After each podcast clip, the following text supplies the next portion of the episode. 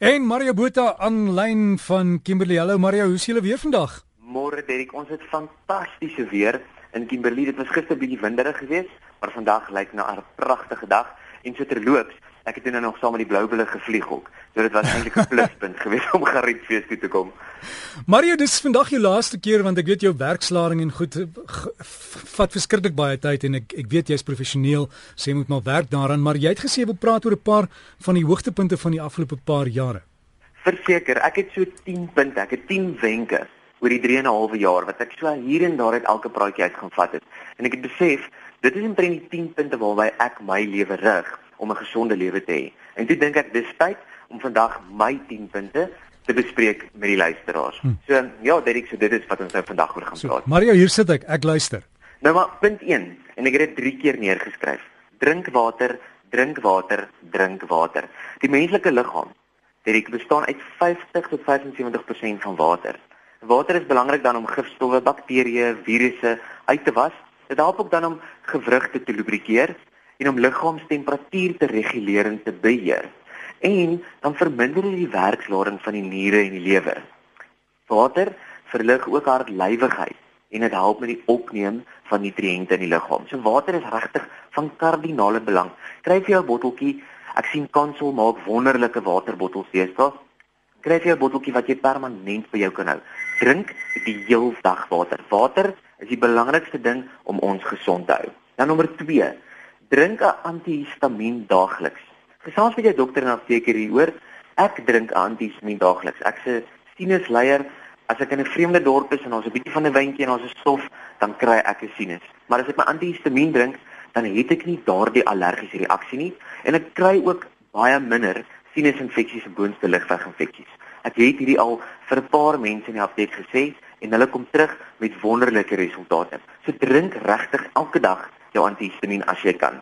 Punt nommer 3 sluit weer aan by punt nommer 2 en dit is spuit ook daagliks 'n kortison neusspray. Nou jy kry dit oor die toonbank, gesels met jou dokter en jou apteker daaroor, maar kry jy 'n neusspray wat lig is nie te swaar kortisoneesprei is nie en spuit net so een spuit in elke neusgat elke oggend of van die aande wanneer dit vir jou pas. Dit gaan jou verligting gee aan byvoorbeeld iets soos wanneer jy met snork in die aande, dan gaan jy dalk 'n bietjie minder snork omdat jy dan nie so erge sinusinfeksie of 'n sinusaantasting het nie. So kry vir jou 'n kortisoneesprei, dit gaan help met 'n oop neus deur die dag. Dit is ook beter as jy die oor die toonbank neusproe wat ons ken wat 'n baie kort termyn gebruik moet word. Moet daai neusproeë nooit vir langer as 5 tot 10 dae gebruik nie, maar gebruik eerder 'n kortesien neusproe. Dan, punt nommer 4. Neem soms 'n medisyne vakansie. Nou wat bedoel ek daarmee? Dit is goed om byvoorbeeld te breek van 'n multivitamiin. Dan vat so breek, vat drink op Saterdag en Sondag byvoorbeeld nie jou multivitamiin nie. En dan deur die week dan drink jy hom weer. Maar hierdie sluit dan nou uit alle kroniese medikasies. As jy 'n kroniese medikasie het en dit is vir jou so voorgeskryf, dan moet jy dit elke dag gebruik. Maar as dit iets is wat jy dink is 'n aanvuller of 'n vitamien of 'n multivitamiin of 'n energie booster, soos die Engels en hy sal sê, breek 'n bietjie daarvan oor naweek. Jy het dit nie altyd nodig nie. Dan punt nommer 5. As jy ongemaklik voel oor medisyne, praat. Gesels met jou apteker en jou dokter daaroor hoor hoe, hoe wat is die korrekte manier om dit te gebruik? Wat is die regte sterkte wat ek moet gebruik? Die dosis, die herhalings. Gesels ook met jou met jou dokter of apteker as jy dink hierdie ding is vir jou te sterk. As jy dink jy het 'n laer dosis nodig, gesels met hulle daaroor. Dan wanneer daar iets punt nommer 6 met jou liggaam gebeur en jy dink dis nie normaal nie, gaan praat dadelik met iemand. Gaan nie op dokter toe en wys dit vir hom of vir haar of bespreek daardie simptome of gaan na jou dokter toe en sê hoor iets is regtig nie nou reg nie. Byvoorbeeld 'n klier wat vergroot of 'n moesie wat verkleur of 'n verandering in die kleur van jou stoelgang of in jou urine of wanneer jy te veel urineer of glad nie urineer nie. Brandgevoel in jou been of 'n steekpyn in jou bors. Enige iets wat wat ek altyd sê vir mense in die apteek wat te vinnig kom. En jy dink hierdie was nou nie 'n geleidelike aanloop nie, maar hier het iets nou regtig vinnig met my liggaam gebeur en ek verstaan dit nie. Baie kere is dit 'n simptoom van iets wat baie erger is. Dit is die begin van iets wat groot is wat kom. So gaan maak 'n draai by jou dokter en dan seker en sê, hoorie, Iets in my lyf het vanoggend gebeur en ek voel nie gemaklik hiermee nie. Dalk is dit niks. Kom ons hoop dis niks. Maar dalk kan jy jouself red van regtig 'n erge toestand of 'n erge iets wat met jou gaan gebeur. Onthou 'n verkleuring van 'n moesie mag dui op kanker, 'n klier wat vergroot mag ook dui op kanker. Sulke dinge, urine wat verander, mag weer bietjie dui op diabetes. So maak maar seker jy weet, ken jou liggaam en wanneer jy 'n verandering sien, dan gaan maak jy werk daarvan. Punt nommer 7. Hou op rook. En as jy beplan om te rook, moenie. Kinders wat al buite is en nou luister na my dit lyk cool, ek weet dit doen en ek het self gerook, maar weet jy jy stink.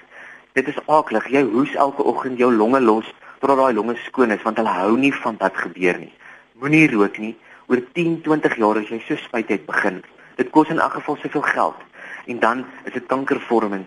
Dit is sleg vir jou hart, dit is sleg vir jou longe, dit is sleg vir jou, dit is sommer net sleg vir jou punt. Moenie rook nie. Dan punt nommer 8. Moenie die nuutste medisyne gee op die rak gebruik nie. Jong, as dit in hierdie hierdie tydskrifte gepubliseer word, moenie dit sommer net gaan koop nie. Moenie hier apteek toe ry en sê ek wil nou van hierdie artikel skryf nou oor hierdie wonderlike kuur vir of gewigsverlies of krampe in die bene of krampe in die hande. Moenie dit gebruik nie.